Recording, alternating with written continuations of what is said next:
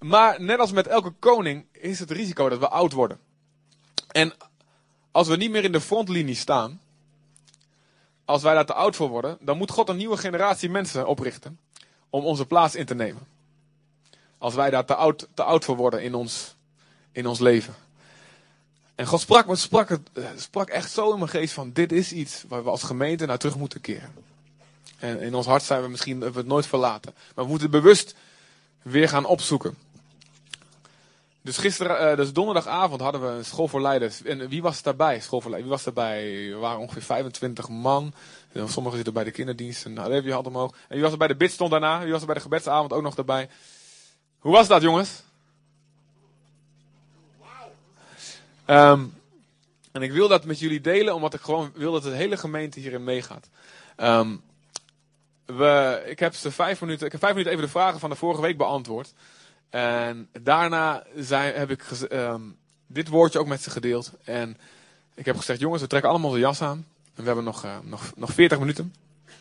En we gaan de straat op. En we gaan mensen aanspreken. En vertellen over Jezus. En iedereen vond het, uh, de meesten vonden het een beetje eng, ja toch? Ja, of viel het mee? Sommigen waren natuurlijk heel stoer meteen. Oh ja, doe ik even.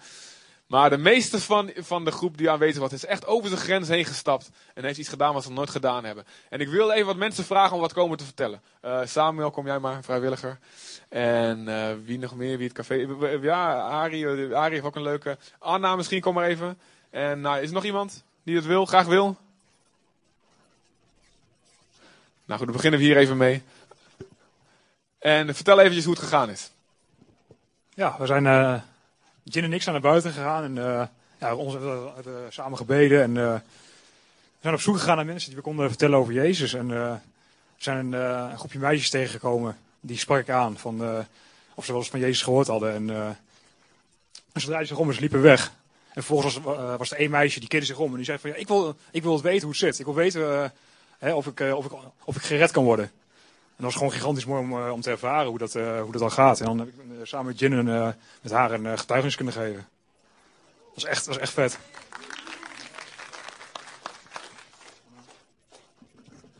Um, ja, ik ging met Hanneke de straat op. Ik denk dat is lekker veilig, want die is altijd wel lekker vrijmoedig. dus uh, ja, we liepen eerst, de, hele, de hele groep liep zeg maar de stad in. En wij dachten van nee, we gaan die kant op. En nou, zoeken, zoeken. Maar het was al best wel laat, weet je. Er waren helemaal niet zoveel mensen op straat. Dus oké, oké, nou wij even bidden, heer, wie moeten we hebben? En op een gegeven moment nou, hadden we iemand aangesproken. Maar goed, het was ook gewoon, gewoon een, een, een verhaal van, oh ja, nou, je zit voor deze winkel. Oh, is die winkel van jou? Weet je wel, zo gaat het dan. Want ja, hij gaat niet meteen, ja, best wel moeilijk om meteen uh, met de deur in huis te vallen, zeg maar. Dus, um, nou, toen liepen we weer verder en um, uh, Hanneke zei, oh, we gaan, we gaan daar die, die kroeg binnen. Want daar ken ik wel, daar ken ik wel wat mensen. Want nou ja, zij woont daar natuurlijk ook in de buurt. Hè? Dus, dus heel veel mensen die daar naar de kroeg gaan, die nodigt ze ook wel eens bij haar uit om thuis te eten en zo. Dus wij gingen daarheen. En ze kwam inderdaad een mensen tegenraakt aan de praat. En ik had op een gegeven moment zoiets van, er zat een man buiten. Ik denk, nou, misschien moet ik daar maar... Um, ik had zo het idee van, nou, volgens mij ga ik daar gewoon heen en even met die man praten. En toen wilde ik dat net doen. Toen was hij alweer binnen. Ik denk, oh, oké, nou ja. Het, dan zit je een beetje ongemakkelijk van, oké, wat gaan we nou doen? En toen was er zeg maar een vrouw. En die was best wel heel erg uh, ver heen al. Die had uh, ja, gewoon veel te veel alcohol gehad. En um, ja, die viel zo wat, uh, zo wat om mijn nek. En ik weet eigenlijk niet meer precies helemaal hoe het ging. Maar op een gegeven moment zei ze dus, zei ze de naam van Jezus. Natuurlijk niet op de manier zoals. Maar ik zeg van, hé, hey, die ken ik. dus, uh, en, en toen, um, ja, toen raakte ze een beetje aan de praat. En toen zei ze van. Uh, nou ja, toen gaf zij dus wel aan van, nou, weet je wel. Uh, ik zeg, nou, zou ik er wat over vertellen? Zij zei, ja, want, nou ja, ze wilde wel echt heel graag meer over weten. Want ze zegt, ja, ik ben gewoon echt, echt diep, diep, diep ongelukkig. En ik heb het wel echt nodig. Dus dat vond ik heel mooi. Maar tegelijkertijd was ik wel best wel kritisch, weet je wel. En dan, uh, en dan, hè, dan, dan, ja, maar hoe zit het al met dit of dat? Dan dacht ik, oké, hoe ga ik dat nou vertellen? En um, dat be bepaalde me wel echt bij dat ik ook dacht van ja, het is echt wel heel goed om ook, hè, want we zitten hier nou allemaal uh, onderling en je hebt uh, hè, gewoon iedereen gelooft en, en Uh, dus is het gewoon makkelijk om, om over Jezus te praten onderling. Maar het, zo meteen kom je iemand op straat tegen en die is gewoon heel kritisch. En uh, je hebt ook echt geen vijf minuten om het uit te leggen. Nee, het moet echt in twee seconden, zeg maar. Want anders komt er weer een kritische vraag over. dus, um, nou ja, goed. In elk geval, op een gegeven moment, om een lang verhaal kort te maken, toen zei ik tegen haar van, ik wil voor je bidden, maar er zijn, we zijn daar, we komen samen en er zijn heel veel mensen en die kunnen allemaal voor je bidden. Dus wil je dat? En dat wilde ze wel. Maar ze wilde ook nog een peuk roken. Ze wilde ook nog een biertje. Nou goed. Op een gegeven moment toen, uh, toen is ze dus wel meegegaan. Dus toen uh, um, heb ik haar meegenomen. En uh, toen is ze daar binnengekomen. En dat was echt super heftig voor haar. Um, ja, nou ja, het was, ze vond het eigenlijk best wel eng ook. we waren allemaal aan het zingen. Ze waren allemaal aan het zingen al en, en God aan het prijzen. En ze vond het best wel eng. En ze wilde dus Hanneke en mijn hand vasthouden en zo. En, ja, en, uh, maar we hebben wel voor haar kunnen bidden ook. En er is wel wat zeg maar, in gang gezet. En ze heeft een Bijbel gekregen. En, en uh, ja, het zou gewoon echt fijn zijn als jullie allemaal gewoon voor haar bidden. Dat ze gewoon hier gaat komen. En dat ze gewoon gered gaat worden. Want het is echt een super lief mens. Alleen ze is gewoon door heel veel moeilijke dingen gegaan. En ze heeft gewoon Jezus echt nodig. Dus. Ja.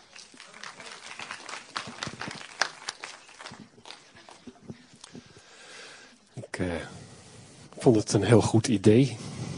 Vooral omdat ik uh, al vele jaren denk, hoe moet dat nou? En, uh, ik heb wel eens een keer gebedswandeling in Antwerpen gedaan. Maar daar hebben we geen mensen op straat gesproken. En ik heb een keertje gebeden, heer wilt u in de trein iemand geven straks dat ik die kan spreken. En dat bleek Christian, Christian te zijn. Dus dan... Christian Karelsen, ja, die weet dat nog steeds. die was al tot bekering gekomen trouwens. Ik, uh, ik dacht, zal ik samen met iemand gaan? Ik heb gewoon aan God gevraagd, wilt u geven met wie ik ga? En wilt u geven wie we dan tegenkomen en wat ik zal zeggen? Gewoon alles maar gewoon gezegd. Nou, uh, Timo zei, zullen wij samen gaan? Vond ik een goed idee. Ik mag Timo heel graag, dus het scheelt een stuk dat je met iemand samen bent, waar je een prettige uh, relatie mee hebt, prettig contact mee hebt. Dus dan kun je makkelijker prettig contact met iemand anders hebben, want dat lijkt me wel handig als je over God gaat praten. Vier of vijf keer liep het op niks uit. Althans, het leek niet zoveel. En toen uh, zou Timo linksaf gaan en ik zou recht, rechtdoor gaan. Dus we stonden zo van, waar gaan we heen? En toen liep er net een meneer met een broodje met uh, shawarma of zo. Of uh, kip, weet ik veel. Met heel veel mayonaise erop. die liep net zo een beetje half tussen ons in. En die zei, wou je wat vragen? Ik denk, nou, ja, natuurlijk. Hè. Dus ik ja, ja, ik wil wat vragen. Nou, zegt u, ga uw gang. Ik zeg, ja, nou, ik kan wel twintig dingen vragen. Hij zegt, nou, dan vraagt u ze alle twintig. Ik zeg, oké. Okay. Eén. Bent, uh, um, nee, de eerste vraag was, hoe gaat het met u? Nou, hij vertelde dat hij werk had en daar was hij heel blij mee. En het bedrijf deed het heel goed, was eerlijk werk. En ik zei, bent u gelukkig? Ja, zegt hij, ja, ik ben gelukkig. Ja, ja vroeger niet, maar uh, dat was een jaar of tien geleden erg moeilijk geweest. En zo hele gewone, simpele vragen waarbij ik op een gegeven moment kon vertellen hoe mijn eigen uh, leven zo een beetje gegaan is in het begin. En hoe ik dat God geroepen heb. En hij stelde er vragen over. Ik kon wat meer daarover vertellen. Uh, hij had een oma die was wel gelovig, maar hij vond die stijve banken in de kerk maar niks. En verder was het voor hem ook niks. Dus toen ik helemaal het eind van het gesprek uh, afsloot, dacht ik, weet je wat, dan zeg ik gewoon, we zitten in Sine Majestic. Oh ja, dat weet, die weet ik wel. Dan zijn heel makkelijke stoelen, dus kun je lekker zitten. En hij was van plan om elke keer te komen. En voor mij was het achteraf gewoon een hele blije ervaring. Dat je, ik ben meer een luisteraar en niet een spreker. Ik, ik, heb nu wat, wat ik weet wat ik vertellen wil, maar als ik het niet goed weet, dan doe ik er heel lang over, weet je wel. Dan zijn mensen al gauw drie stappen verder voordat ik er in de buurt ben. Maar dit ging heel, heel vlot. Dat was heel verrassend allemaal. Ik hoop hem te gaan zien. We hebben ook ons aan elkaar voorgesteld. Ik heb hem nog niet gezien, maar ik ben ook druk geweest. Misschien dat hij daar wel, wel zit. Zit, Sjoerd, zit jij hier? Nog niet? Komt nog wel. Laten we voor hem bidden. Oké, ja, en de gebedsavond is dus een hele interessante avond geworden. Want uh, daar hadden we dus uh, onze vriendin, uh, die, ja, Kitty, die als gast erbij was. Dus we hebben ehm, eventjes wel voor haar gebeden, maar het was vooral eigenlijk de hele groep die, ehm, die eigenlijk zo in gesprek met haar gegaan is en vragen beantwoorden. En ik was zo trots op ze. Want het was best, best, best lastig en het was echt niet allemaal heilige praten en heilige vragen die eruit kwamen. Was echt heel erg, iedereen heel erg goed gedaan. En um, ja, ook leuk. Ja, voor Mirjam heeft echt geweldig ook, mee, ook haar hart geraakt. En um, nog wat, ja, wat andere mensen. Echt supergoed. Dus ik was heel erg trots op iedereen eigenlijk. En ja, mooi om zo een beetje de boel, weer onszelf een beetje wakker te schudden. Dus dank u Heilige Geest daarvoor. Oké, bedankt voor, voor dit, deze getuigenissen. Oké, ik ga... Ik wil eventjes jullie allemaal vragen om uit je stoel te gaan en eventjes uh, twee mensen te groeten. Bij voorkeur mensen die je niet kent, even hallo, goedemorgen te zeggen. En dan, pak ik, dan maak ik van de gelegenheid gebruik eventjes mijn computer te pakken.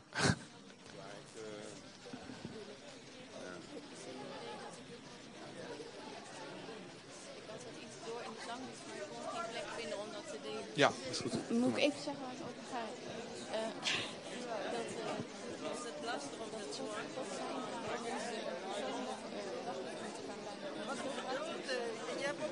dat echt wat doet. Daar moet ik van de week aan denken. Heel. Ja, dat is goed. Doe maar. Gewoon.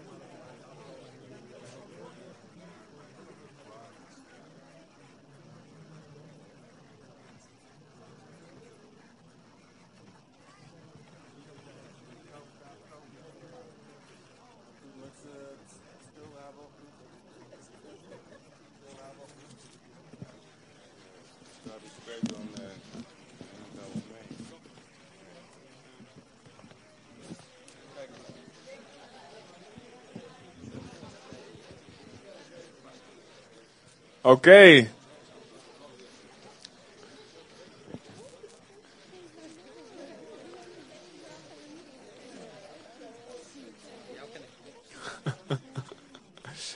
Oké. Okay. Nou, Michael uh, hier, uh, Michael die, die uh, zei dat hij haar dus, deze vrouw dus kent en haar daarna tegengekomen is. En dat ze een beetje zat af te geven op wat er gebeurd was. Maar dat hij daarna dus zei van, nou, ik kom daar ook, ik moet je wat bekennen, ik kom daar ook. Dus uh, dat is heel bijzonder hoe God dat, uh, dat geleid heeft allemaal. Dus we geloven dat God daar iets bijzonders gaat doen. Carla wil nog even iets doorgeven. Goedemorgen allemaal. um, ja, ik wou graag wat delen. Het is hier heel praktisch, maar het is echt een woord van God. En uh, ik had een paar zondagen dat ik hier was en dat God zei, je moet dat gewoon gaan zeggen. Maar ik vind het altijd moeilijk om een goed moment te vinden, weet je wel. En um, ik dacht, ik moet even goed in, inleiden. Nou, stel je voor dat jij uh, ergens bent, zo'n receptie, en je weet gewoon, Beatrix komt daar ook, weet je wel. En uh, je bent daar als uh, caterer, je bent daar als ober in je pakje. En in de hele menigte heb je helemaal niks voor te stellen. Maar Beatrix komt daar binnen. En op een gegeven moment loopt ze zo door de massa. En ineens buigt ze zich naar links, waar jij staat. En, en, ze, en ze fluistert wat in je oor. En je bent helemaal verbijsterd. Beatrix die tegen mij iets zegt, weet je wel. En dan loopt ze terug het gangpad in en ze loopt door. Nou, wie gebeurt dat nou, weet je wel? Zo'n zo verheven iemand die tegen jou wat zegt. Dus die hele pers die stort zich over je heen. Wat zei Beatrix nou tegen jou, weet je wel? Maar dat hou je voor jezelf. En dan gaat je leven verder. En uh, zoals bij mij is, ik, ik, heb uh, echt zo'n brein waar van alles doorheen gaat. En dan ben ik bezig met de kinderen en met school van de kinderen en allerlei dingen. En dan ben ik zo weer kwijt wat daar twee dagen geleden gebeurd is. Vragen ze aan mij, wat doe je twee dagen geleden? Moet ik echt heel lang nadenken. Dat is heel zielig. En, uh, en dan vraagt iemand twee weken later aan jou: Wat zei Beatrix tegen jou? Hè? Dat, dan, dan ineens sta je daar en zeg je: uh, Ik weet het niet meer. Nou, wat een blamage, hè? Realistisch? Wat zou dat zijn? Echt een blamage. Dat je dat niet meer weet, weet je wel. En, en God liet mij zien dat het zo soms is met Hem. Hoe we met Hem omgaan. En ik had deze zomer heel veel meegemaakt. En jullie weten misschien dat Giovanni in het ziekenhuis lag. En ik was in het ziekenhuis. En midden in de nacht op een hele donkere gang sprak God allemaal dingen tot mij. En het was heel bijzonder. Ja, het was voor mij lang geleden. En ehm, En God drukte mij op het hart. Bewaar ze in je hart. Er stond gewoon tekst bij. Bewaar dit in je hart. En elke keer als ik het las of iets ontving, zei God: Bewaar dit in je hart.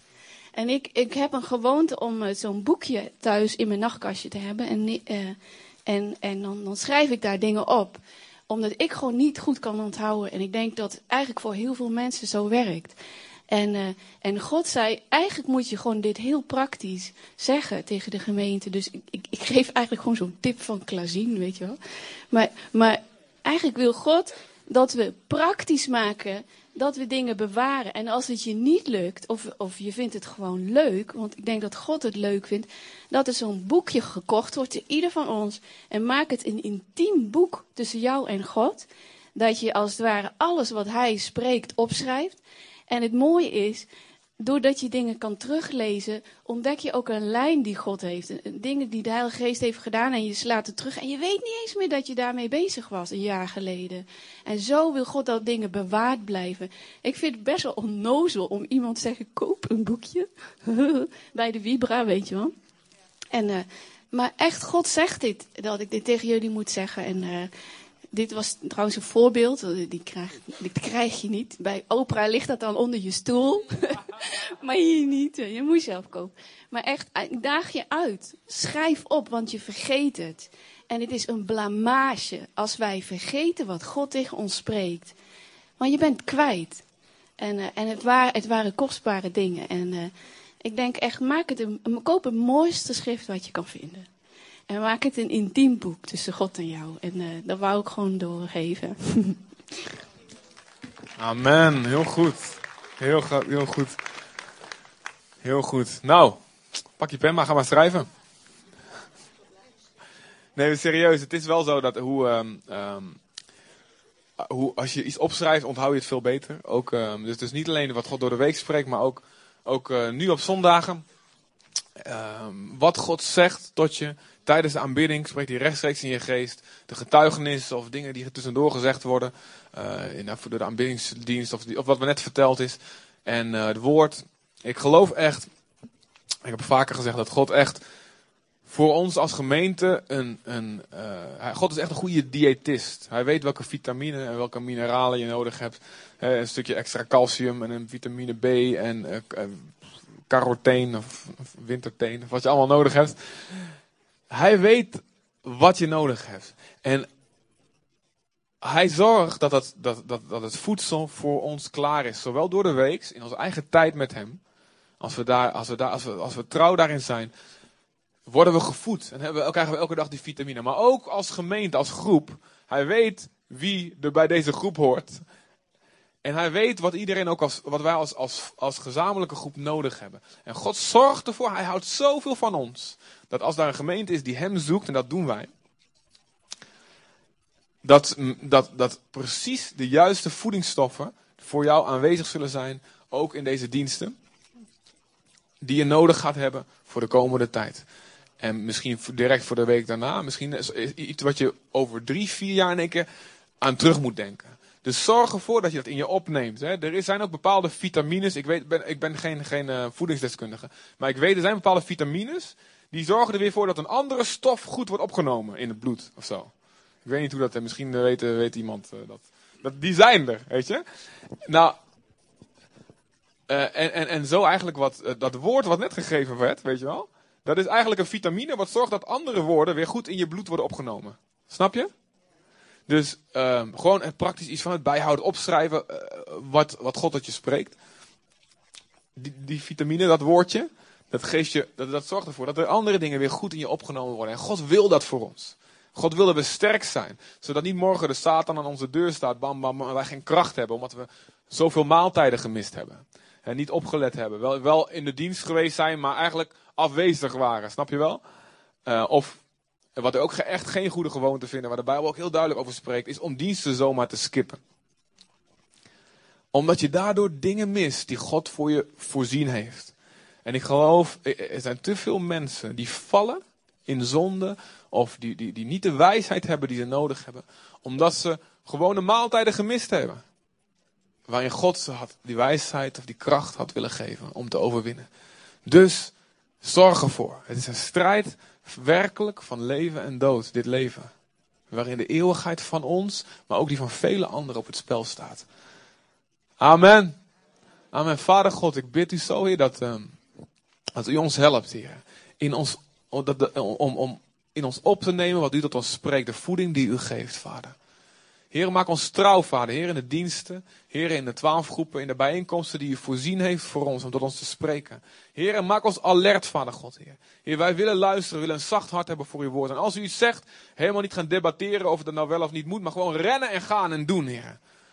Omdat we u vertrouwen en u geloven. Vader, maak ons een sterke gemeente. En, en, en ieder individu dat hier zit, ieder persoon dat hier zit, maak ons zo sterk dat welke verleiding de duivel of welke afleiding hij ook probeert te brengen op ons pad. Dat we sterk zijn door uw woord. Door wat u tot ons gesproken heeft. En als geloof zo onwankelbaar is. Heer, dat we niet meer zullen vallen. Maar juist anderen zullen inspireren en meenemen. Heer, ook dit woord wat ik nu ga spreken. Ik bid in Jezus' naam, Vader. Dat het, Heer, dat het zijn doel zal bereiken, Vader God. Heer. Dat het niet leeg tot u zal terug, terugkeren. Vader, maar maak ons krachtig, Vader God. Heer, om ons doel te bereiken in deze generatie. Heer, om in, in de tijd dat wij nu leven zoveel mensen tot geloof te zien komen, Vader God. Heer, we willen niet later in de hemel zijn en luisteren naar al die andere generaties en al die andere landen die je vertellen over opwekking en doorbraken. En dat we zelf niet zo'n verhaal ook hebben meegemaakt, Vader. Heer, we hebben één leven en daarin willen we alles zien van uw koninkrijk, wat er te zien valt op deze aarde. In Jezus' naam. Amen, toch? Ja, amen. Amen. Oké. Zijn jullie wakker? Ja. Goed, dan hoeven we geen dansoefeningetje doen om jullie wakker te maken. We gaan verder met Ezra. En um,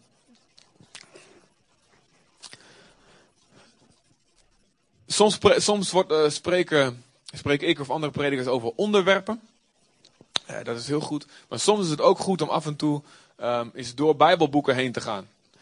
En weet je wat het voordeel daarvan is? is uh, soms, voor, heel veel mensen heb ik gemerkt, is Bijbellezen iets heel moeilijks. Um, voor sommigen gaat het zo in één keer. Voor anderen die hebben er gewoon even hulp bij nodig. En dat is helemaal niet erg. Um, nee, laat het maar even niet zien, Willem. Doe maar eventjes nog, eventjes nog, nog blanco. Ik geef nog even de inleiding. Anders gaan ze dit allemaal lezen. Nou ja, kijk maar gewoon allemaal hier. Kunnen jullie wel. Ga vanzelf al weg. Um, het is goed om soms ook door Bijbelboeken heen te gaan. Zodat je leert eigenlijk hoe je de Bijbel kan lezen. Je leert te zien wat, wat wil God nou hierdoor, hierdoorheen zeggen tot mij? Want de Bijbel is niet een soort geschiedenisboek met allemaal feiten en cijfers. Eh, zo van, nou leer dit maar uit je hoofd en dan, uh, dan kun je een quiz winnen of zo. Het, het, staat dat de Bijbel levend is en krachtig. Dat het scherper is dan, wel, dan, dan, dan, dan, een, dan een tweesnijdend zwaard. En dat het in staat is om ons hart, als het ware, helemaal te ontleden. En helemaal uit elkaar te halen wat van God is en wat niet van God is. Er staat dat het woord van God ons klaarmaakt, klaar kan maken voor elk goed werk. Wat voor, elke goede daad, voor elke goede bediening, voor alles wat, wat, wat God je voor roept in dit leven. Het woord van God kan je daarvoor klaarmaken. Dus er kan een moment komen, dat, als het ware een, een, een moment van destiny, van bestemming, van wow, je bent je voor geboren. En je, je kunt daar klaar voor zijn door het woord van God doordat je opgelet hebt en je, en je hebt het geloofd en je hebt het toegepast. Maar het kan ook zo zijn dat dat moment komt in je leven en je bent er niet klaar voor. Of dat je misschien niet eens doorhebt dat dat moment komt en het is zo aan je voorbij gegaan. En God wil dat je klaar bent, hij houdt van je. En door dit woord, de Bijbel zegt zelf over zichzelf, dit is voor jou geen leeg woord. Het is je leven. Dus pak allemaal je Bijbel vast, leg je hand erop en zeg: Dit is voor mij geen leeg woord. Dit is mijn leven. En de Bijbel zegt er daarna: Door dit woord zal je lang leven in het land wat God voor je bedoeld heeft. Als ware, je zult, als wel, je zult je bestemming bereiken. Je zult je, je in alle wegen je doel bereiken. Je zult voorspoedig zijn in wat voor God je geroepen heeft. Dus daarom ook wil ik door Ezra heen gaan. En vorige week hebben we het gehad. En als je het niet, uh, als je niet bij bent geweest. Um, ten eerste bekeer je daarvan. ten tweede kun je het op de website terugluisteren. Um, en hebben het gehad over Ezra. En uh, eigenlijk gekeken naar hoe Satan probeert te verstoren wat God wil bouwen. En eh, dit is dus, ik zal het nog even heel kort herhalen. De, de tempel in Jeruzalem is verwoest door de Babyloniërs. is kapot gemaakt en de Joden zijn weggevoerd naar Babylon. En na 70 jaar brengt God ze terug in verschillende groepen, in verschillende fases. En ze krijgen weer toestemming van de koning. En het is inmiddels dat de koning van Perzië, dus van Iran geworden, die heeft Babylonië weer veroverd. Nou ja, heel ingewikkeld. Maar in ieder geval een andere koning, zoveel jaar later, geeft toestemming om terug te gaan en om het huis weer op te bouwen. En dat kunnen we zo toepassen op onszelf. Door de zonde is heel veel kapot gegaan in deze wereld. En misschien wel in ons eigen leven. En God wil dat het weer opgebouwd wordt. En jij en ik, wij zijn bedoeld om op te bouwen wat de duivel kapot gemaakt heeft. De, de Bijbel zegt dat Jezus is gekomen om de werken van de duivel te verbreken. En zoals hij gestuurd is door de Vader, zijn wij gestuurd door Jezus in deze wereld. Met precies dezelfde opdracht. Dus jij bent geroepen de werken van de duivel te verbreken. Oftewel, opnieuw op te bouwen wat door de duivel kapot gemaakt is. In je eigen persoonlijk leven. Dus als het ware je leven, als het helemaal kapot gemaakt is door zonde, zonde van anderen of zonde van jezelf. God wil dat je het weer op gaat bouwen. Levens van anderen om je heen, want we zijn niet alleen bedoeld om voor onszelf te leven, halleluja. We zijn bedoeld om uit te delen. Levens van anderen om je heen die kapot zijn gemaakt door zonde en door dood en door wat de duivel gedaan heeft. Om die ook weer op te bouwen. Een kerk die misschien helemaal uh, het doel kwijtgeraakt is, weer op te bouwen. Of een stukje bediening, een taak, iets wat, wat, wat helemaal niet bestond. Of een bepaalde groep mensen. In ieder geval alles wat kapot is om het weer op te bouwen. En uiteindelijk zelfs zo, de hele wereld, dat is Gods grote plan. Door de kerk wereldwijd heen, om de hele wereld die kapot gemaakt is door de zonde, opnieuw op te bouwen zoals God het bedoeld heeft. Zodat God weer de baas gaat worden. Dat noemen we het koninkrijk van God, oftewel een plek waar God regeert. En de dingen gebeuren als God ze wil. Dat is jouw bestemming. En ieder van ons heeft daar een verschillende rol, een verschillend stukje grond eigenlijk, wat we mogen innemen. Maar God wil dat we een hersteller worden van bressen, van gaten in de muur. Nou, zo kun je het boek Ezra gaan lezen. Oké, dus welke problemen kwamen ze tegen? En uh, zo kun je trouwens heel veel, heel, ja, nee, um, stop. Niet te veel zijpaadjes. Zo, zo, kun je, zo kun je dit gaan lezen. Welke problemen komen ze tegen? Welke vijanden komen ze tegen? Wat is de strategie van de vijand? En hoe overwinnen ze die vijand uiteindelijk? Zoals we vorige week die tekst hebben, dat heb ik laten uitspreken door jullie in Psalm 119, vers 98. Daar staat: Uw woord. Nee, niet een lamp voor mijn voet, dat is het ook natuurlijk. Hè? Wat hebben we vorige, week, met z'n allen hardop uitgesproken, jongens? Volgens mij is het boekje heel hard nodig.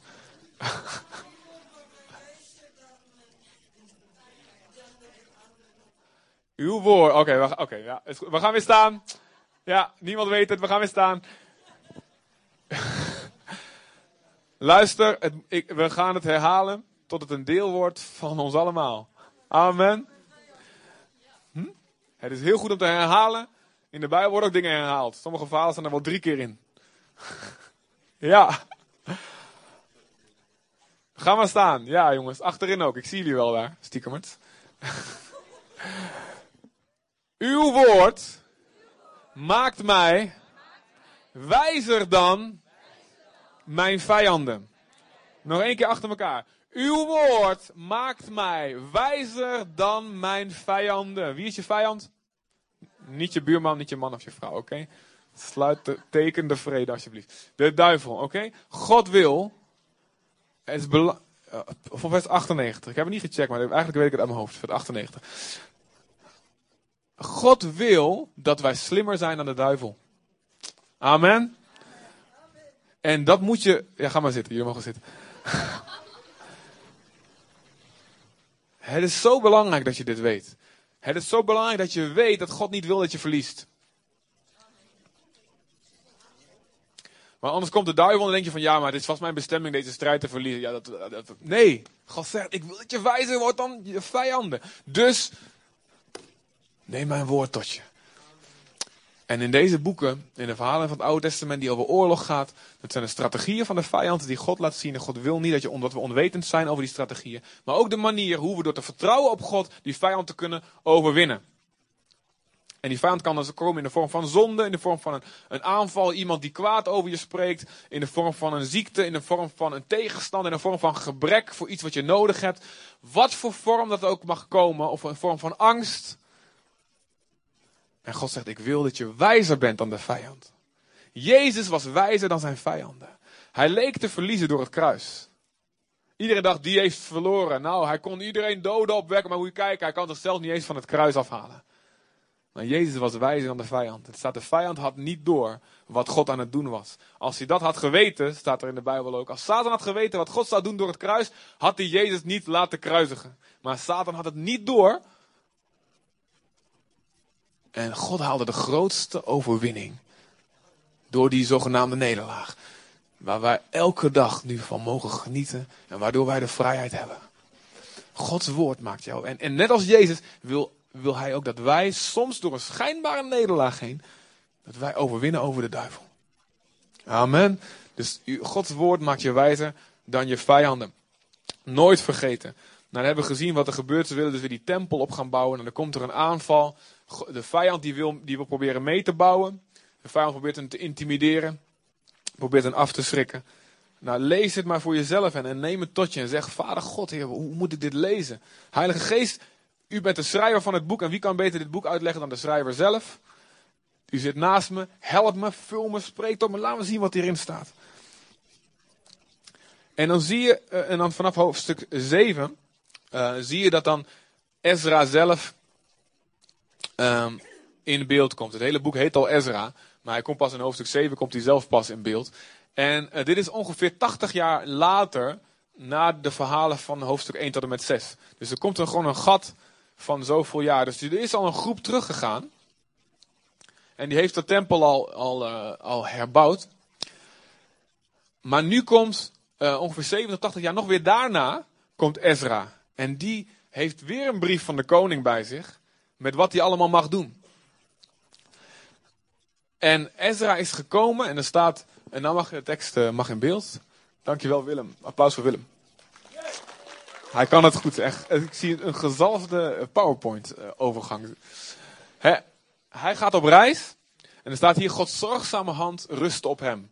oftewel, hij kwam veilig aan. Hij moest een heel lange reis maken. Tegenwoordig pak je het vliegtuig van, van Bagdad naar Jeruzalem. Ik weet niet of daar een directe vlucht is. Of dat die ruzie hebben met elkaar of zo. Maar toen moest je um, een hele cirkel maken. Moest je zo helemaal om de woestijn. Want dwars door de woestijn is geen goed idee. Je moet helemaal eroverheen, als het ware over Irak heen zo. En dan helemaal terug door Syrië naar beneden. Je moet een hele grote bocht maken. En, en die, je had gewoon struikrovers en vijanden en koningen. En ze gingen, gingen met heel veel goud onderweg. Dus het was gewoon een hele gevaarlijke reis. Maar God beschermde staat er. Gods stormzame hand rustte op hem. Hij was er namelijk met heel zijn hart opgericht om de wet van de Heer te onderzoeken, die na te leven en de Israëlieten te leren wat hun wetten en regels zijn. Luister, Gods zorgzame hand is op iedereen die zijn hart erop gezet heeft, Gods woord te onderzoeken, na te leven en aan anderen te vertellen. Daar hoef je geen microfoon voor in je hand te hebben op zondag. Daar hoef je geen titel voor te hebben. Iedereen kan dat doen. En het is een keuze die je maakt. Het is niet iets wat uit de hemel valt van, nou ja, misschien gebeurt dat, overkomt mij dat ooit een keer. Je kunt ervoor kiezen. Ik wil de woord van God willen. Ik wil het onderzoeken ik ga het niet alleen onderzoeken en zo van dat ik alles weet. Ik ga het ook naleven. En ik ga het anderen vertellen. Amen. En er staat het Gods zorgzame hand rust op iedereen die dat doet. Dus als jij die keuze maakt, Gods zorgzame hand is op je.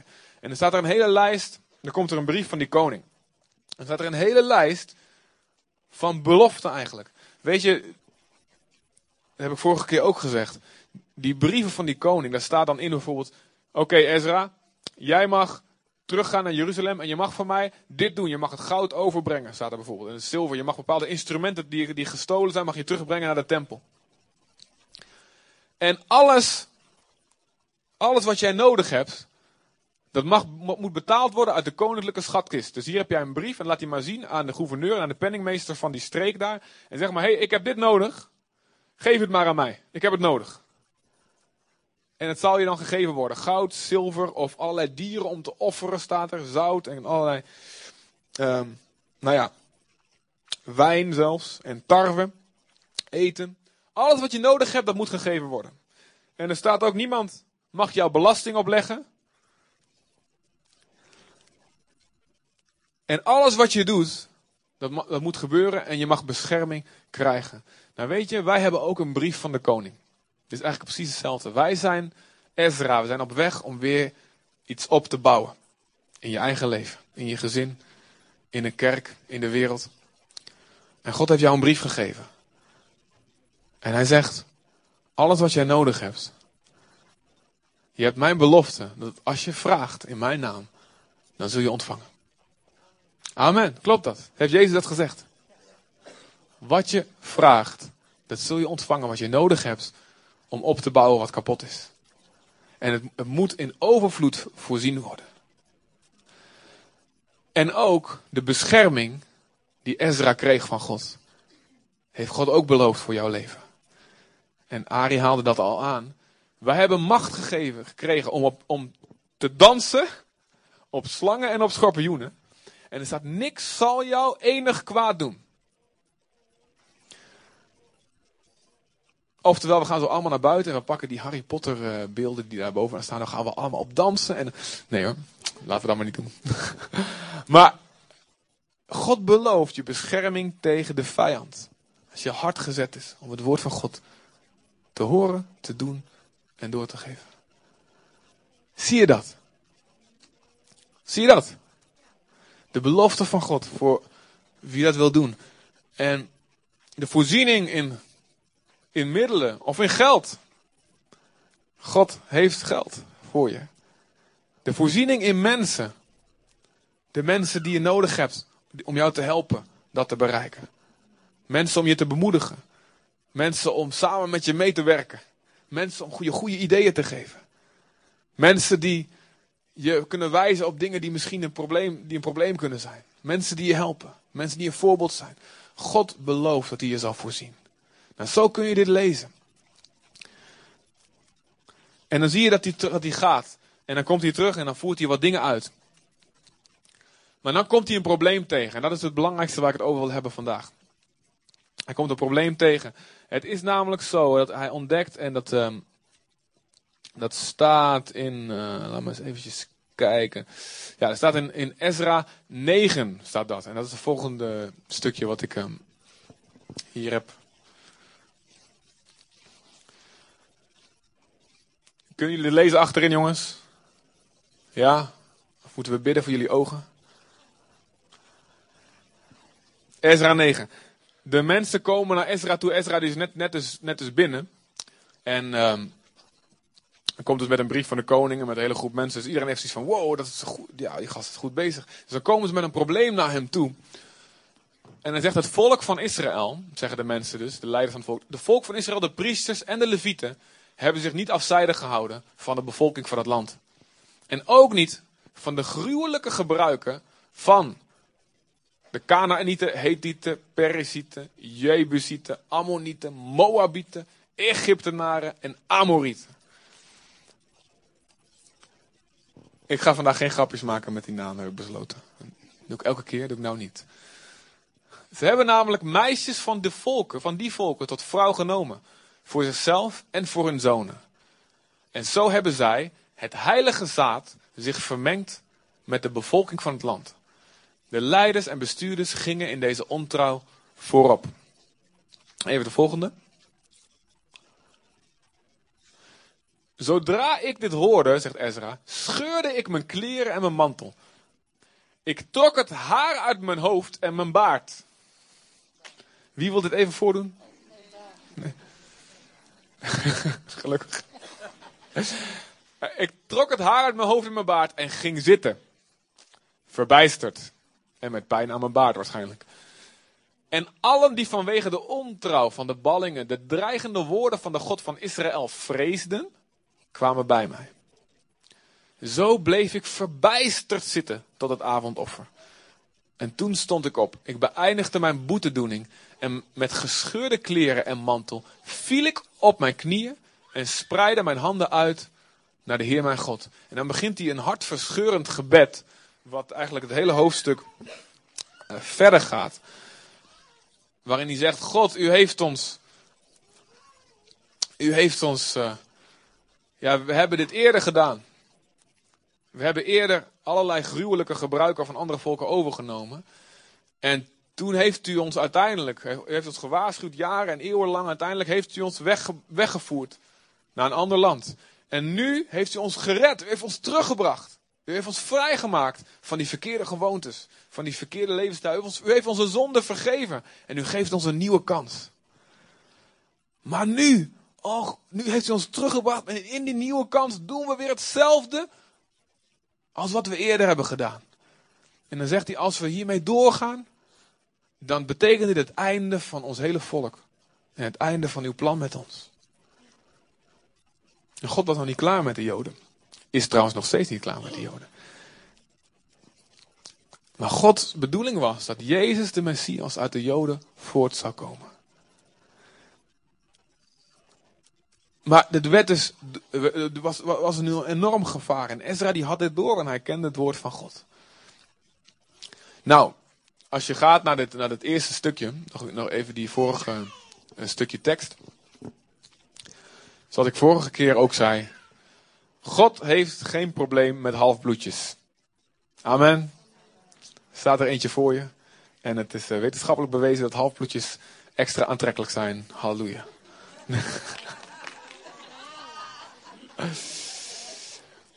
Nee hoor.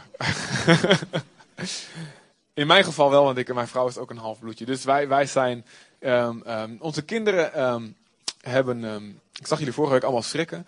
Ze hebben dus uh, groene en blauwe ogen. De ene is een beetje donker en de andere is een beetje blond. En ze hebben Indonesisch, Nederlands, Chinees, Duits, Fries, Colombiaans, uh, Cubaans, Canarische eilands, Spaans, Frans en Amer Amerikaans-Indiaans bloed.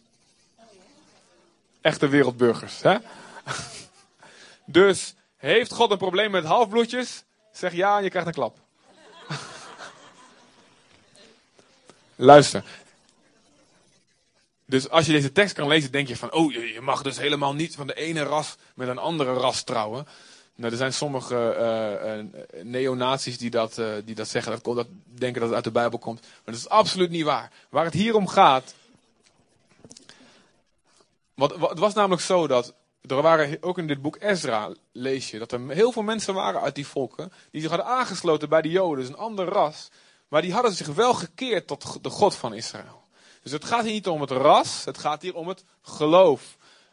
bijvoorbeeld, er staat in de Bijbel dat een Ammonite of een Moabite mag niet, die mag niet uh, bij, de, bij de gemeente horen. Nou, Rut is een heel Bijbelboek, Rut. Dat was een Moabitische. En uh, ze was toevallig de overgrootmoeder ook van koning David. En er staat zelfs dat tot in de tiende geslacht mag een Moabit niet in de, in, in de gemeente uh, van God komen. Nou, David was nog maar de vierde generatie. Heel erg interessant om het uit te zoeken. Maar God kijkt niet naar kleur, niet naar ras. Wij zijn allemaal één in Hem. Laten we het even voor de duidelijkheid zeggen als jullie dat nog niet door hadden. Waar het hier om gaat is om het geloof. En om de invloed van andere goden. De invloed van andere goden, de invloed van de wereld om de Joden heen. Die zorgt dat zij die gruwelijke dingen gaan overnemen. Waardoor God niet meer in hun midden kan zijn. En dit is direct van toepassing op ons vandaag als kerk en als christenen. Wat de, wat de volken bijvoorbeeld om Israël heen deden. Een van de belangrijkste dingen die genoemd wordt in de Bijbel is ze lieten voor het goede geluk, dus om, om, om, om een zegen te krijgen van hun God, en speciaal de God Moloch, of Molech, lieten ze hun kinderen door het vuur wandelen. Ze, ze, ze lieten hun kinderen verbranden. En er waren andere gebruiken die ze deden. En, en ik weet niet of je wel eens films gezien hebt van de Azteken en van de Inca's. En wat er daar gebeurde. De mensenoffers die die ze brengen om maar hun God, hun goden tevreden te stellen. En ze eisten meer bloed. Nou, zulke dingen, daar moet je aan denken. Dit waren de dingen die gebeurden. Ehm, nou, te gruwelijke dingen die ik nou niet kan zeggen, eigenlijk. Als je die leest. En God zegt, ik wil dat niet. En weet je dat God, God zelfs aan die volken die daar woonden, had hij tijd gegeven om zich van te bekeren. Het was echt niet zo van, nou je bent geen Jood, dus nou ik schop je meteen eruit. Nee, God, staat zelfs, Abraham, God zegt tegen Abraham, jullie moeten 400 jaar in Egypte blijven. Want voor die tijd is de maat van hun zonde nog niet vol. Oftewel, al die tijd heeft God geduld gehad. En hij heeft zelfs 400 jaar geduld gehad. En op, misschien, ik denk, staat niets in de mix van in de Bijbel, maar ik denk dat hij ze zelfs mensen gestuurd heeft om ze te waarschuwen. Maar dat God geduld heeft gehad. Maar uiteindelijk was het afgelopen. En, en God zegt, ik wil niet dat, dat met jullie het, het, hetzelfde gaat gebeuren als met die volken. Dit betekent voor ons dat ook wij moeten uitkijken voor de invloeden die wij toelaten op ons leven. In dit geval waren ze getrouwd met, dus mens, met, met vrouwen die andere goden aanbaden. En zelfs koning Salomo, die als de meest wijze man op de aarde genoemd wordt. En koning Salomo, die het boek Spreuken, het boek Prediker en het boek Hooglied geschreven heeft. Oftewel drie Bijbelboeken op je geweten. Uiteindelijk is hij in zonde gevallen. Door de vreemde vrouwen die hij getrouwd, door de, door de, de ongelovige vrouwen die hij getrouwd had. Door, de, door die andere, andere goden aanbaden. En Salomo begon ook die goden te aanbidden. Moet je je voorstellen, al die dingen die hij geschreven heeft. Hij heeft zelf geschreven, God vrezen is het begin van de wijsheid. Vrees God boven alles. Boven alles. Uiteindelijk is hij zelf gevallen. En dit is voor ons een hele grote waarschuwing. Om niet onszelf te overschatten. Nooit jezelf te overschatten. Misschien denk je naar die boodschap die nu gaat aankomen. Dat is, dat is, dat is alleen maar voor iemand die net, uh, net een jaar tot geloof gekomen is of korter. Als zelfs Salomo kon vallen door verkeerde invloed toe te laten, dan is zelfs de meest doorgewinterde christen, als je dat denkt dat je dat bent, moet, zelf, moet, moeten we altijd blijven opletten. Dat de duivel niet stiekem ons denken weer te pakken krijgt en binnenkomt. Er staat in de 1 Korinthe 10. Als je denkt dat je staat, te gek, weet je wel. Maar let, blijf toezien dat je niet valt. Ga niet denken, nou sta ik hoor, nou hoef ik nergens meer voor op te letten. weet je wel.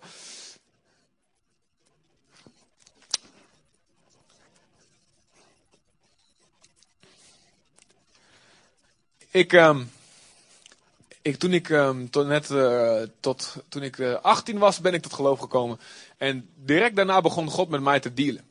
Begon God met mij stap voor stap dingen uh, aan te spreken. En ik ben blij dat hij dat niet allemaal in één keer deed, anders dan zou ik flippen. En, misschien heel hard wegrennen. Maar één voor één heeft hij dat gedaan. En mijn belangrijkste probleem was niet, niet stappen en uitgaan. Maar het was wel een van de invloeden die ik toeliet. Mijn belangrijkste probleem was trots, hoogmoed en egoïsme. En de, alle huichelarij die daarbij kwam.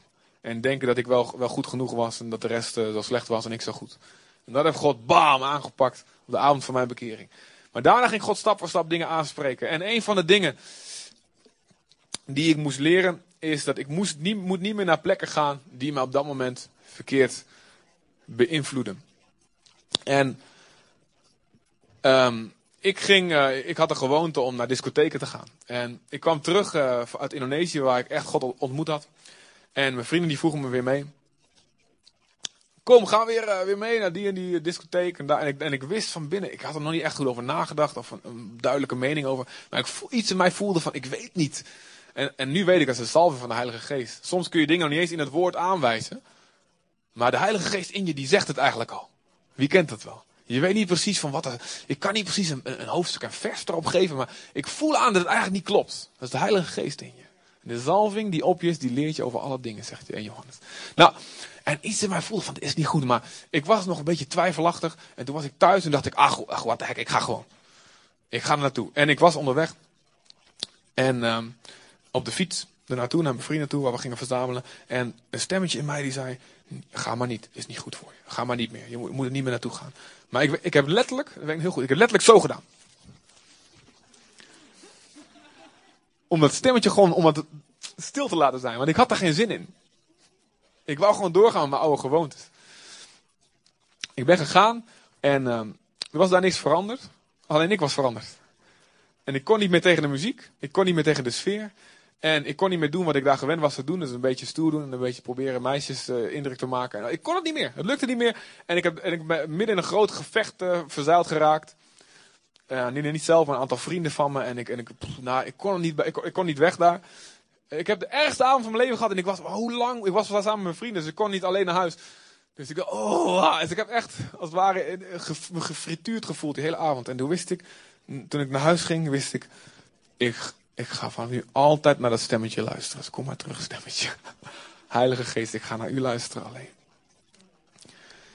Nou, en ook andere dingen. Ik hield ook van, ik hield ook van poelen en van naar cafés gaan in Deventer. En uh, niet om uh, ladder zat te zuipen of zo, was ook niet mijn intentie. Maar ik ging dan samen met een jongen uit de kerk. Kom, we gaan eventjes poelen, weet je wel. En dus ik ging, en ik had ook zoiets van binnen van, ik weet het niet, ik weet het niet. En ik was daar binnen en we gingen gewoon, we waren begonnen en we net, net een, uh, een gulden, volgens mij nog, erin gegooid. En, en ik weet dat ik, nee jongen, sorry, ik, ik moet hier weg. Ik kan hier niet zijn. Ik ben te onrustig, ik moet weg. En ik heb, uh, ik, ja, ik weet, die andere keek een beetje beteuterd. Maar ik wist gewoon, ik moet weg hier. Ik was ook ontzettende fan van, en ze spelen vanmiddag tegen FC Zwolle. Wie weet waar ik het over heb. De beste club van de hele wereld, beter dan Barcelona. Go Ahead Eagles, oké. Okay. Gin, echt waar, bekeer je ervan. Ajax ziet. 0-0 gisteren, hè? Pas op, hè? Oké. Maar als je trouwens, oh ja, als je trouwens lid wordt worden van deze gemeente, moet je verplicht ook fan worden van Go Ahead Eagles. Dat heb ik nog niet erbij gezegd, maar. nee, dat knippen we extra erin. Dat laten we. Gekkigheid. Oké. Ik zegen iedereen. Ik heb ook hele goede vrienden die nou die fan van FC, Zwolle zijn. En, maar ik was daar heel fanatiek in en ik ging er naartoe en ik, en ik had nog een seizoenkaart. En um, ik dacht van, nou ja, er is niks mis met voetbal. Dus ik ging naar die, ging naar die wedstrijden. En, en je had, ik had me nooit kunnen voorstellen dat, ik, dat er een tijd zou komen dat ik niet een seizoenkaart zou hebben.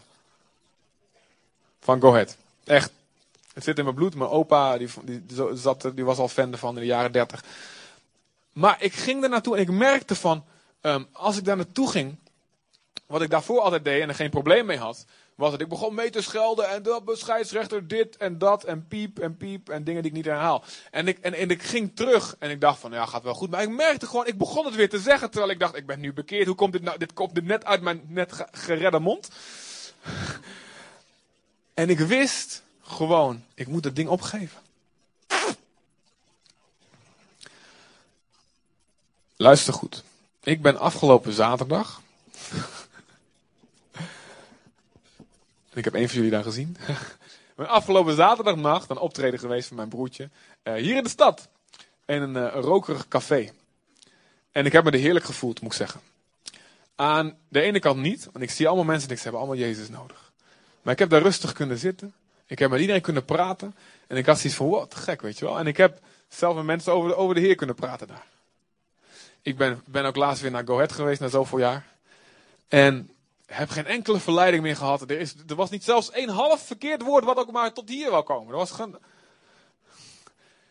En ook voor een potje biljart, dan mag je me tegenwoordig uitnodigen. Maar in die tijd, als ik niet had geluisterd naar die stem, als ik, niet, als me niet had losgemaakt daarvan, was het fout gegaan, was het misgegaan met mij. En was ik teruggezogen in de wereld, ik weet het zeker. Er zijn cd's en boeken die ik heb weggegooid. En sommigen proberen, wel heel radicaal doen, ga je ze breken en zo en verbranden en zo. Hartstikke leuk. Mooie tijd. Maar die, sommige van die muziek die ik toen weggegooid heb, die zou ik nu wel weer kunnen luisteren. Ik heb niet over zware satanische dingen of zo, weet je wel. Maar gewoon bepaalde, bepaalde muziek. Oké, leuk, weet je wel. Maar je moet luisteren naar de stem van de Heilige Geest.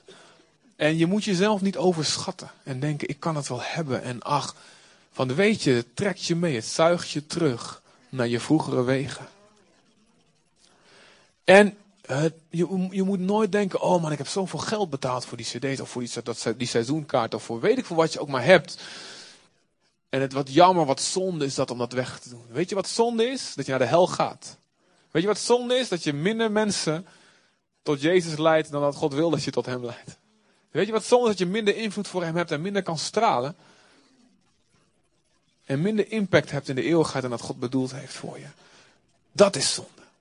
Wat is jouw leven je waard, zegt Jezus. Wat zou je geven in ruil voor je leven? Jongen, gooi die cd, gooi die dingen, gooi alles wat jouw verkeerde kant op beïnvloedt. Als je nog niet sterk genoeg daarvoor bent. En als je twijfelt, dan is het dus doen, hè?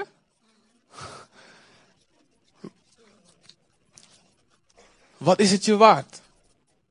Wat is het je waard om die kabel uit je internet te trekken? Wat is het je waard om die Facebook of die Hives te verwijderen? Of die inschrijving op die dating site als je daardoor verkeerde dingen ervan gaat doen? Wat kan jou dat nou schelen? Het gaat om leven of dood. Voor jou en duizenden, duizenden mensen die God door jou heen wil bereiken.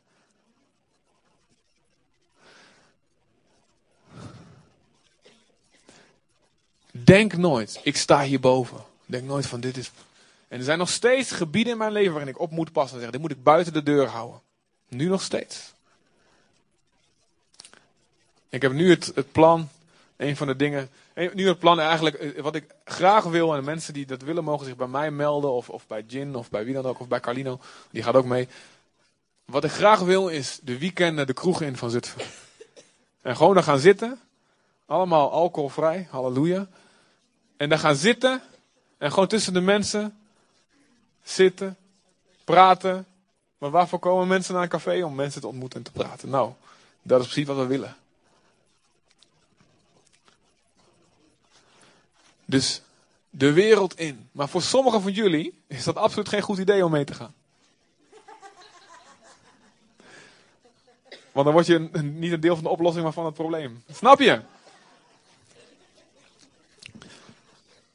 Ze trouwden dus. Ze trouwden dus die vreemde vrouw.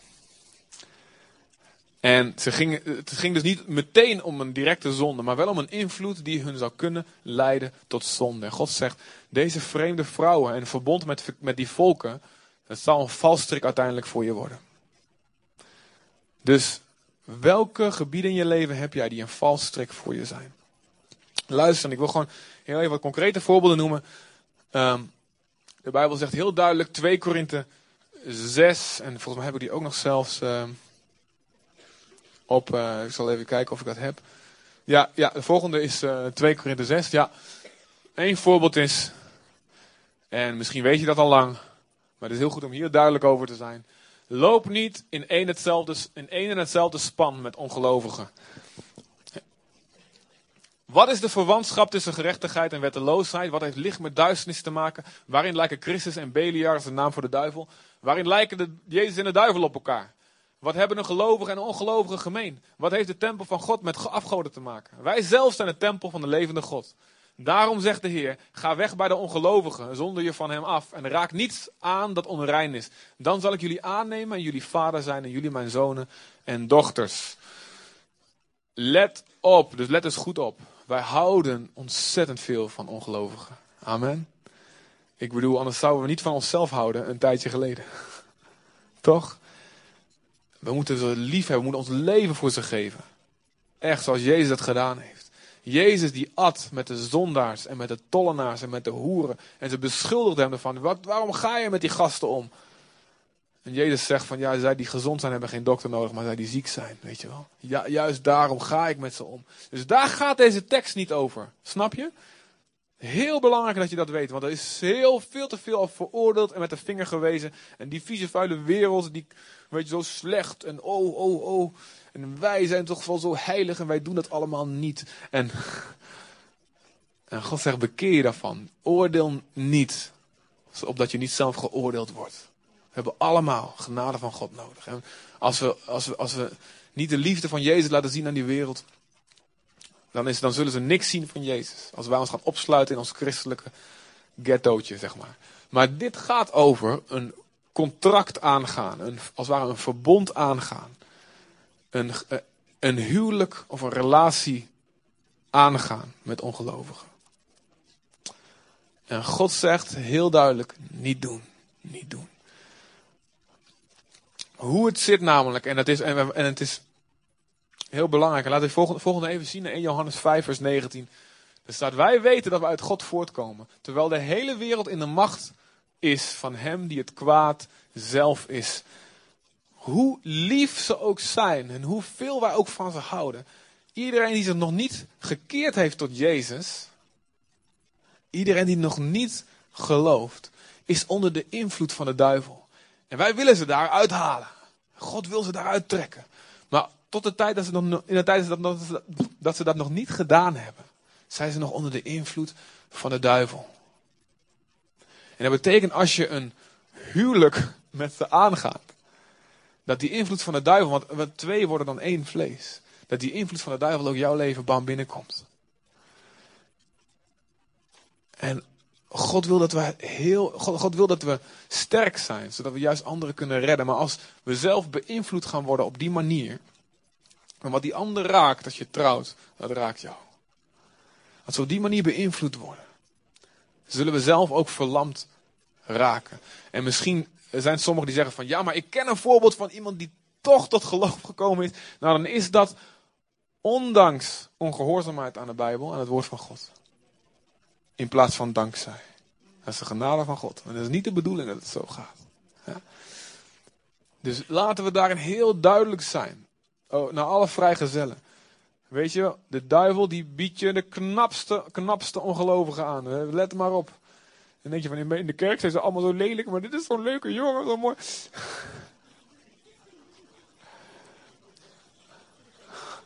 Nee hoor. Jullie zijn echt de meest sexy gemeente die bestaat. Knap. Maar luister.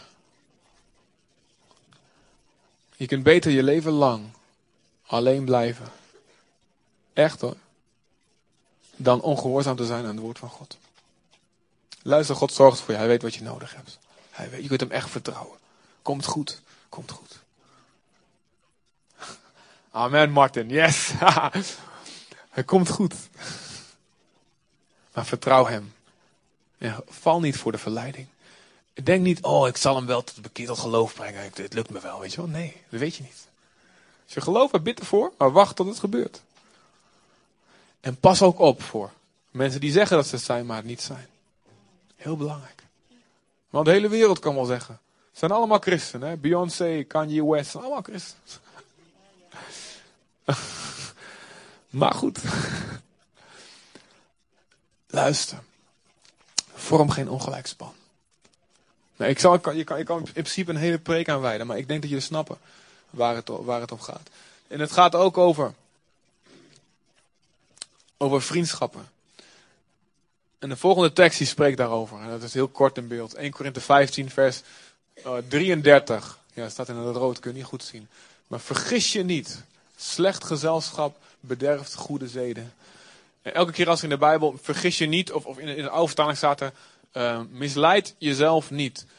Of let goed op. Als dat erbij staat, moet je echt goed opletten. Want dat betekent dat dat juist een punt is waar we heel makkelijk onszelf misleiden. Slechte omgang bederft goede zeden. En het staat ergens anders in Spreuken 22. Dat heb ik niet op het sheet hoor. Je moet niet te veel verwennen. 22 vers 24 en 25. Als je notities maakt, wat jullie natuurlijk allemaal doen nou. Daar staat, ga niet om met een driftkop, laat je niet in met een heet, heet hoofd. Omdat je niet gewend raakt aan zijn paden.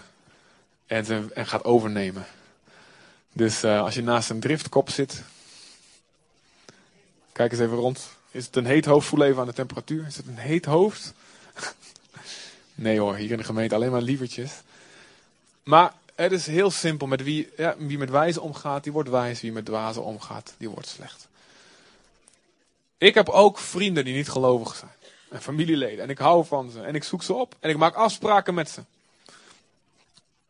Maar, let, let altijd op. Dat ik me niet laat beïnvloeden.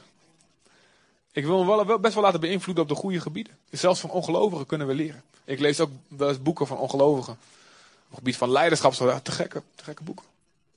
Maar ik toets alles eh, extra goed. En de, alle verkeerde dingen, daar moeten we echt een wacht voor bij ons leven zetten. Wat laten we toe? En ehm,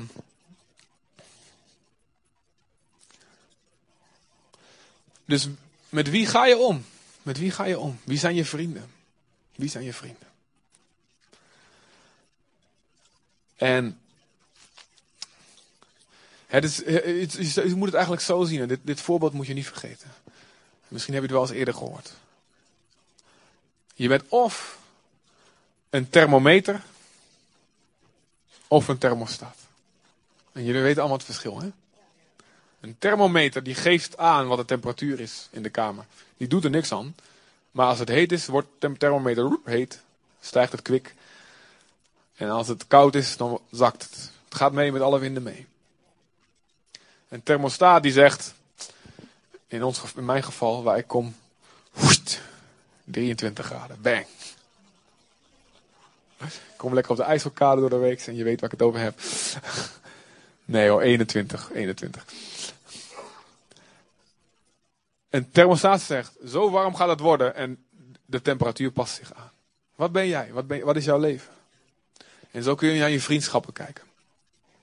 Ben, ik in deze relatie, ben ik een thermometer of ben ik een thermostaat? Ga ik mee? Oh ja, dat is inderdaad wel goed. Oh ja. Praat ik mee zoals zij praten? Ga ik denken zoals zij denken? Of is het andersom? Oké. En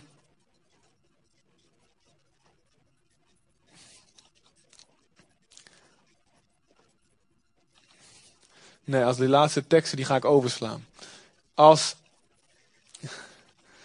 de duivel wil,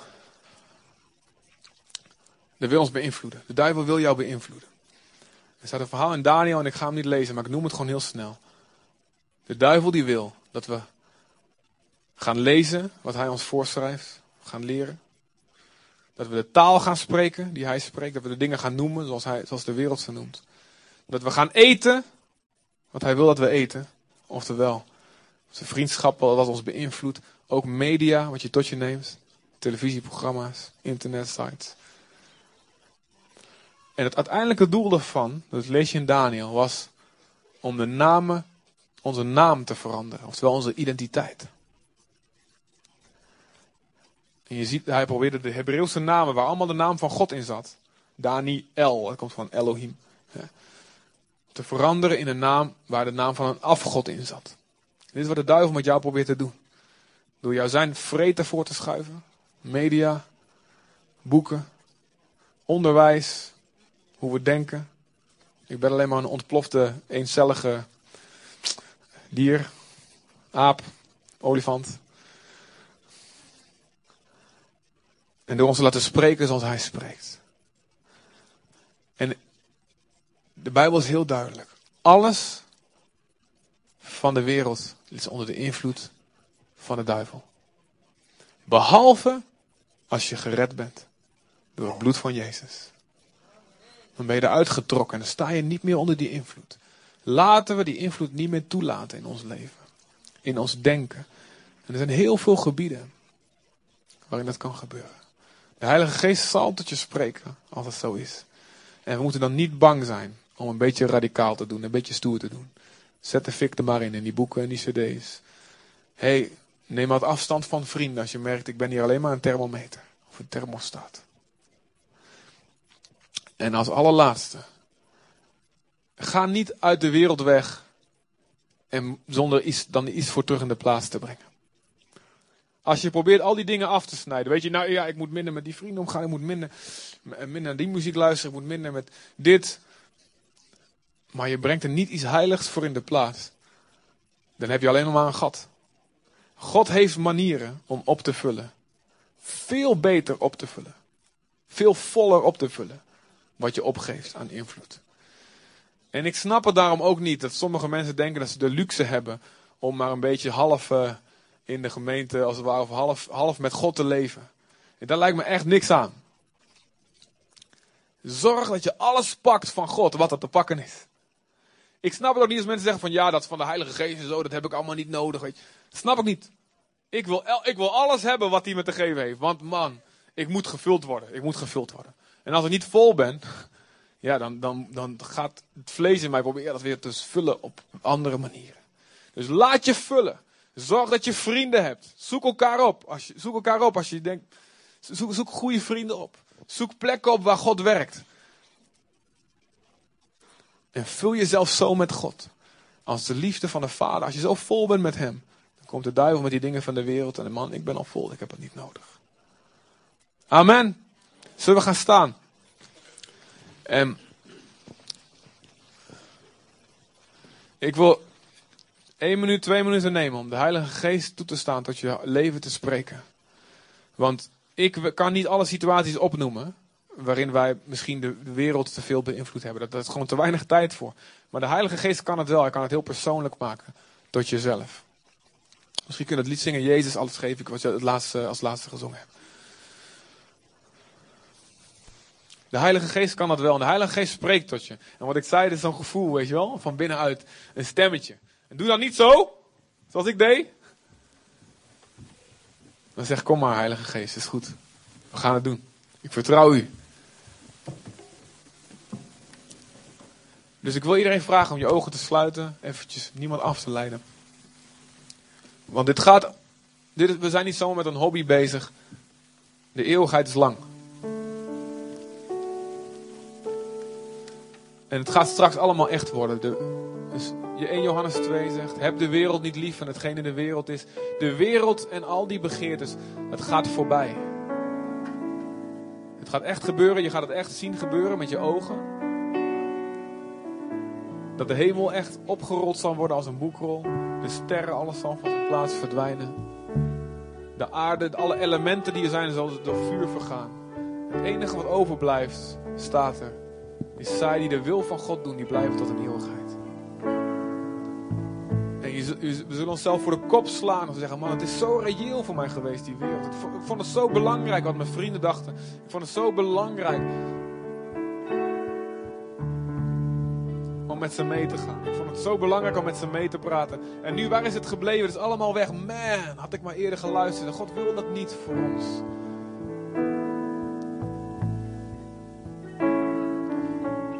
Vader, ik bid op dit moment, praat Heer met ons, Heer. Ik dank u wel dat u dat doet, dat u uw geest gegeven heeft. Dat u alles, u deze preek nu persoonlijk maakt tot iedereen. Welke gebieden, waar twijfel je over? Waar, waar word je te veel beïnvloed?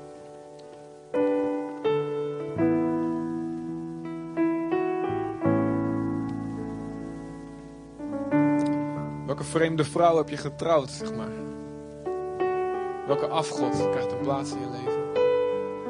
Misschien gaat het niet eens om de daad zelf. Misschien heeft het nog niet helemaal niet geleid tot een verkeerde daad. Tot een echte officiële zonde. Maar is er wel die invloed die terug probeert te komen.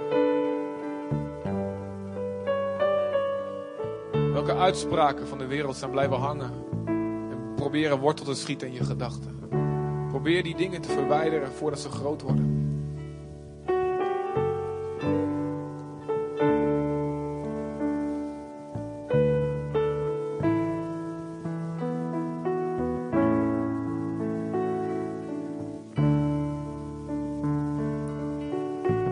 Vragen om je, ik wil je vragen om terug te praten naar God toe. gewoon met hem, aan hem te vertellen. Als, als God je iets laat zien, vertel hem. Praat met hem wat je eraan wil doen. Of wat je wil vragen van hem. Waarin je zijn hulp nodig heeft. God hoort elk gebed op dit moment. Wat je, op, wat je opstuurt naar hem. Hij is dichtbij. Hij hoort alles. Iedereen tegelijk. Hij is niet te druk daarvoor. Dus praat met hem.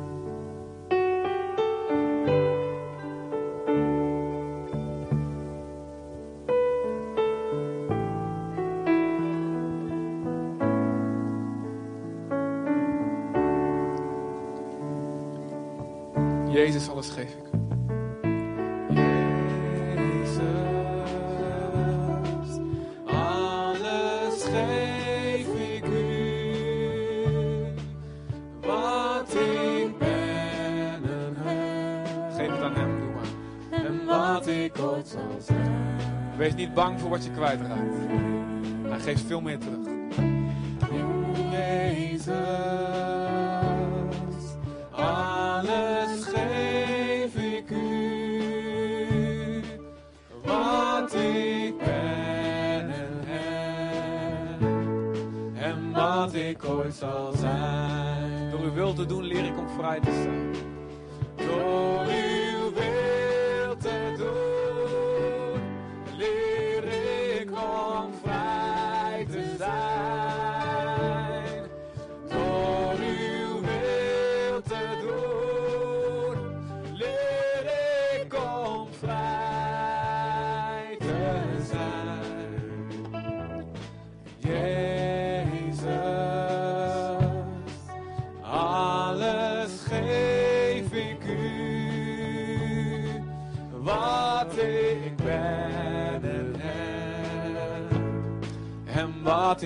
Zal zijn.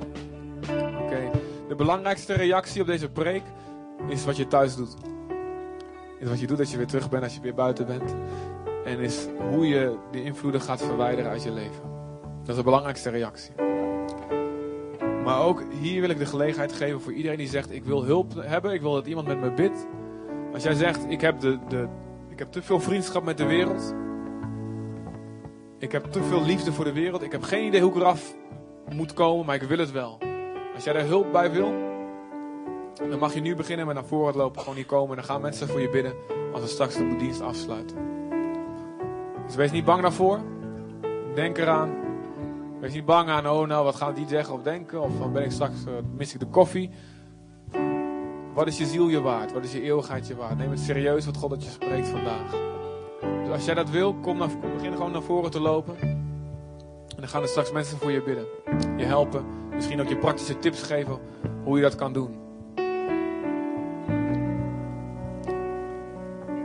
Oké, en, en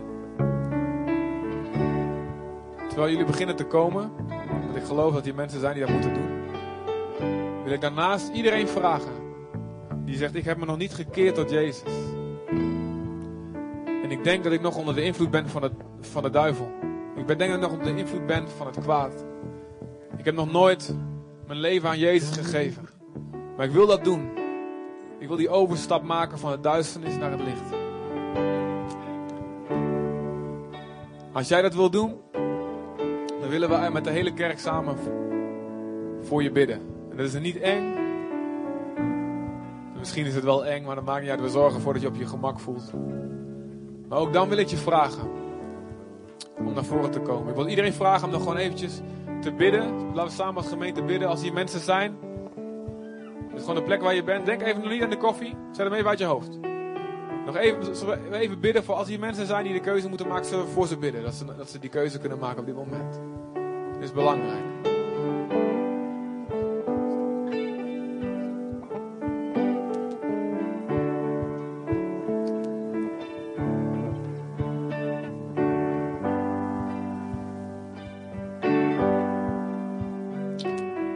Laat dit moment niet aan je voorbij gaan. Ik ga niet heel erg lang erop door.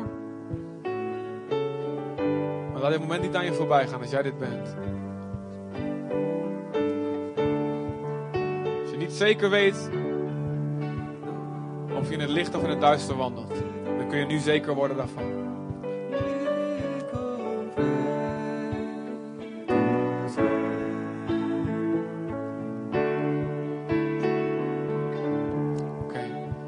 Vader God, ik dank u. Ik dank u.